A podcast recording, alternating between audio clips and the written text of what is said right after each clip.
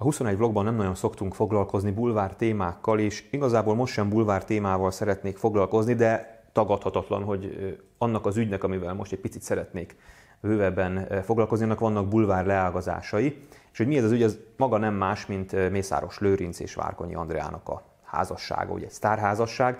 Általában tényleg ilyeneket nem nagyon szoktam, vagy nem nagyon szoktunk kommentálni, de ezt mégis most megtesszük, mert azért ennek bőven-bőven van társadalmi és politikai leágazása, mondani valója vagy következménye, vagy esetleges lehetőség, amit ebbe én belelátok, és én ezzel szeretnék foglalkozni. Öt olyan szempontot szeretnék itt boncolgatni előttetek a szemetek és fületek láttára, hallatára, amit talán nem kapott akkor a publicitást, miközben maga az ügy óriási publicitást kapott, már hónapok óta, már mint a konkrét bejelentést megelőzően hónapok óta lehetett arról hallani, hogy itt, itt valami nagyon nagy dolog készül, és hogy Mészáros Lőrinc és Várkonyi Andra össze fognak házasodni. Nyilván eleinte ezt senki sem hitte, mert az egészen szürreálisnak tűnt ez a kapcsolat. Aztán végül is hosszú-hosszú pusmogás, meg, meg plegyka után pontot tettek az érintettek a az ügy végére, és tényleg bejelentették, hogy ebből már pedig lagzi lesz.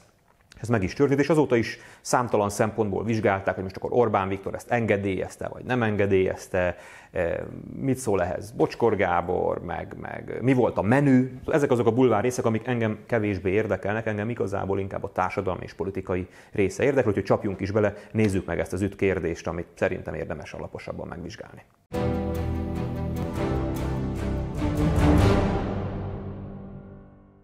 Az első blokk még azért egy picit a bulvár résznél marad, mert azért nagyon sokan, akik ehhez a kérdéshez kapcsolódóan megfogalmazták a véleményüket, arról beszéltek, hogy hát ez egy érdekházasság, méghozzá Várkonyi Andra részéről. Várkonyi Andra lényegében egy pénzes pasit akart fogni magának, és hát ezek közül is megfogta a legpénzesebbet, és hogy hát ez ilyen értelemben egy ilyen goldigger dolog volt. Nyilván én nem látok bele sem Mészáros Lőrincnek, se Várkonyi Andrának a szívébe, meg a fejébe, de fölvetnék azért egy olyan szempontot, hogy nem biztos, hogy ez szimplán érdekházasság, és nem biztos, hogy nincsenek e mögött valódi érzelmek. Amikor hasonló szkepticizmusomat megfogalmaztam egy hölgy ismerősömnek, akkor ő nagyon keményen leosztott, és azt mondta, hogy hát azért ne felejtsük el, hogy az, a, a pénz az, az nem pusztán csak pénzként jelenhet meg, hanem az, az a státusznak egy szimbóluma, az az alfa himségnek egy, egy, egy, egy lakmuszpapírja, ami megmutatja, hogy a férfi az erős, hogy a férfi az hatalmas, és egyébként maga Várkonyi Andra is az egyik interjújában arról beszélt, hogy ő szereti, hogyha az ő szíve választotja a maga területen, területén, az életben egy sikeres hatalommal bíró ember. Hát ki lenne ma a, ebben a skálában az egyik legerősebb, hanem Mészáros Lőrinc, aki Orbán Viktor után eh, Magyarország talán másik legbefolyásosabb embere, de mindenképpen a leggazdagabb embernek számít eh, Magyarországon. Úgyhogy lehet, hogy nem pusztán csak a pénzről van szó, aztán persze ezt mindenki majd eldönti magában, hogy hogy gondolja, hanem a pénz kapcsán és a hatalom és a befolyás kapcsán egyszerűen Várkonyi Andrea a szerelem konstruktív szemüvegén keresztül valami egészen más lát Mészáros Lőrincben, mint mondjuk ti, vagy sokan mások, ő nem azt látja benne, hanem, hanem egy, egy hiper alfahimet. Az persze fölvet egy olyan tudományos, vagy társadalmi, vagy, vagy pszichológiai kérdés is, hogy egyébként mi a szerelem. A tavaly megjelent Míg a halál el nem árat című könyvemben külön fejezetet szenteltem ennek a kérdésnek, és azt a kérdést tettem föl, hogy hogy van az, hogy ha, ha az emberi történelmet végignézzük, akkor az egyik leggyakrabban előkerülő probléma, kérdés, dilemma, érzés az a szerelem. Sokszor még a háborúk mögött is ez áll. Sokszor az életünk legfontosabb döntései mögött is ez áll, sokszor a leghülyébb döntéseink mögött is ez áll. Mi a szerelem? És ugye én akkor a, a, a mellett érveltem ebben a könyvben, és egyébként most is így gondolom, hogy a szerelem azért ennyire fontos az életünkben, mert összeköti az állati és az emberi életünket. Ugye mi az állatnak a legfontosabb? Hogy fennmaradjon. Mi az embernek a legfontosabb? Hogy örökké fennmaradjon, hogy valamiféle halhatatlanságot éljen át. És ezt különféle eszközökkel, vallással, művészettel, tudományjal megpróbáljuk elérni. De a szerelem az ezt a kettőt össze tudja kötni. Ugye a, a szerelemben implicit módon benne lévő fajfenntartás az, az a bennünk lévő állati ösztönt, hogy, hogy, hogy, hogy a fajfenntartás és a önmagunk gényeinek továbbadása, abban abba a szerelemben ez is benne van, vagy legalábbis a kémiai, biológiai hajtóerejébe. De másrésztről a szerelem, vagy a szerelmünk az a személy, aki mellett halhatatlannak éljük meg magunkat. Akik, amikor két ember egymás mellett van, és azt érzik, hogy ők a világ középpontjában vannak, talán azt mondhatjuk, hogy akkor szerelmesek. És a szerelem ezért ilyen fontos kérdés, mert a bennünk lévő állati és emberi komponensnek is a legjavát nyújtja. De itt ehhez mindenképpen hozzá kell tennünk, hogy, hogy azért az, amit általában szerelemnek gondolunk, az szerintem nem az. Ugye a szerelem biokémiai szinten különféle hormonoknak a, a játéka az agyunkkal.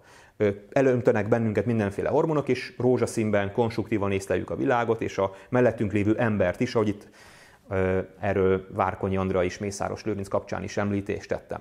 De szerintem nem ez a szerelem, vagy legalábbis nem biztos, hogy ezt kellene szerelemnek hívnunk. Szerintem a szerelem az, amikor ez a hormonok játéka lezajlott, és a mellettünk lévő embert még mindig el tudjuk viselni, még mindig a társunknak tartjuk. Ez szerintem sokkal inkább a szerelem, mint az, amikor vakon és hormonoktól vezérelve valakiben valami olyat látunk, ami nem is biztos, hogy benne van. Na de hagyjuk a szerelem kérdését, és menjünk tovább a második szempontra, amit szeretnék megvizsgálni, ez pedig az, hogy ki ugrott nagyobbat, úgymond ezzel a kapcsolattal. Mert hogy az általános közvélekedés az, hogy itt nem történt más, mint hogy a nagyon gazdag ember, a dús gazdag ember, a hatalmas ember, a nagy hatalommal bíró ember lényegében magához emelt egy, egy, egy hölgyet, és ezzel Várkony egy hatalmasat ugrott a társadalmi ranglétán. Szerintem a többség, talán közületek is sokan így értelmezik ezt a kapcsolatot, de én azért megfordítanám ezt a kérdést. Ugye nem csak az a kérdés szerintem, hogy Várkonyi Andra miért Mészáros Lőrincet választotta, hanem az is kérdés, hogy Mészáros Lőrinc miért Várkonyi Andrát választotta, hiszen ő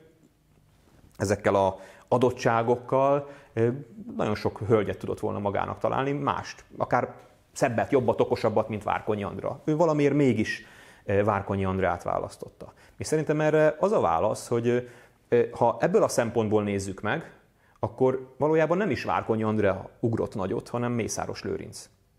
Ugyanis Várkonyi Andrea egy három diplomás, az én tudomásom szerint egy három diplomás nő, kinek orvosi, pszichológiai és közgazdász diplomája van. Azért ez nem olyan sokan tudják elmondani magukról, tehát egy okos nőről beszélünk, egy közismert, sikeres nőről beszélünk, aki a médiában lényegében szinte már minden olyan dolgot elért, amit el lehet a médiában érni, és egy nagyon jó módban élő nőről beszélünk. Tehát Várkonyi Andrea számára a Mészáros Lőrincel létrejött házasság egy komoly anyagi ugrás jelentett, nyilván, ez, ez tagadhatatlan, de ez egy mennyiségi ugrás volt. Egy nagyon gazdag nő még gazdagabb lett. De mi történt Mészáros Lőrincel? Szerintem ő nála történt minőségi ugrás, ez nem csak egy mennyiségi ugrás volt, ő a lesajnált gázszerelőből, akit Orbán Viktor maga mellé vett, ő hirtelen egy celeb lett, aki majd a kifutókon Várkonyi Andrával fog mosolyogni a, a fotósok keresztüzében, és hogy csattognak a képek és a felvételek, ő majd ott áll Várkonyi Andrea hercegeként. Ez Mészáros Lőrincnek szerintem egy minőségi ugrás. Várkonyi Andrea, ahogy mondtam, egy sokkal gazdagabb ember lett, Mészáros Lőrinc meg egy egészen más ember. Lehet, hogy sokan szkeptikusok vagytok, azért gondoljuk el azt a lehetőséget, hogy mi lett volna, ha Mészáros Lőrinc azzal az anyagi bázissal, lehetőséggel, amivel ő rendelkezik, még fiatalabb hölgyet keres magának, mint Várkonyi Andrea. Ugye Várkonyi Andrea az én tudomásom szerint 46 éves. Ő Mészáros Lőrincnél sokkal fiatalabb hölgyet is szerezhetett volna, sőt, többet is. Ő lehetett volna a, a magyar Hugh Hefner, aki beköltözik egy villába, és onnantól kezdve cicababák tömkelege között éli boldog mindennapjait. Ő nem így döntött, hanem feleségül vette Várkonyi Andrát is. Én azt gondolom, hogy Mészáros Lőrinc, lehet, hogy a szerelem konstruktív tüzében égve, de mégis valamilyen szempontból egy olyan döntés hozott, ami segített abban, hogy ő tényleg egy másik emberré váljon. De hát, ugye a törpök élete nem csak játék és mese, innentől kezdve térjünk rá arra, hogy mi lehet ennek az egésznek a politikában a következménye ennek a kapcsolatnak. Mert most nyilván mézes heteiket élik a, a, az ifjú pár, és mi sok boldogságot kívánunk nekik természetesen, de azért itt ennek vannak politikai leágazásai. A legelején már utaltam arra, hogy sokan azt is pedzegetik, hogy ez biztos Orbán Viktornak a, az engedélyével történt. Most én ezt nagyon-nagyon kétlem. Nem csak azért, mert hogy egy szerelmes férfi nem kér engedélyt, hanem azért sem, mert ha Orbán Viktornak az engedélye kellett volna ehhez a kapcsolathoz, akkor azt gyanítom, hogy Orbán Viktor nem adott volna erre engedélyt. És hogy miért nem? Azért nem, mert picit messzebb kell mennünk időben, hogy az én álláspontomat indokolni tudjam. Orbán Viktor a 90-es évektől kezdve egészen 2015-ig fölépített egy Simicska Lajosra épülő rendszert, ami ugye arról szólt, hogy Orbán Viktor vitte a politikát, és Simicska Lajos volt az ő bizalmasa és a gazdasági ügyeknek az intézője. Aztán mindannyian tudjuk, hogy ebből mi lett, egy nagyon komoly konfliktus alakult ki a két személy között. És ezután Orbán Viktor úgy tűnik, hogy Simicska Lajos helyére Mészáros Lőrincet választotta, aki azért egy más kaliber, egy más erejű ember, tehát nem hisszük el róla, és jelen nem is tűnik úgy, mint aki képes volna Orbán Viktorral szembefordulni, vagyis Orbán Viktor abszolút a biztonságra törekedett. Egy, hit, egy lojális embert keresett, akit régóta ismer, és ebbe a kis bunkerbe akarta bezárni ezt a, ezt a, ezt a viszonyt, mármint ami kettejük között van a politikai és a gazdasági életben. És ez neki nagyon jó volt. És ebbe a nagyon-nagyon jó kis nyugiba robbant bele Várkonyi Andra, az új házasság, a szerelem és minden, ami ennek a kockázata lehet, mert hogy azt gondolom, hogy itt komoly kockázatok vannak.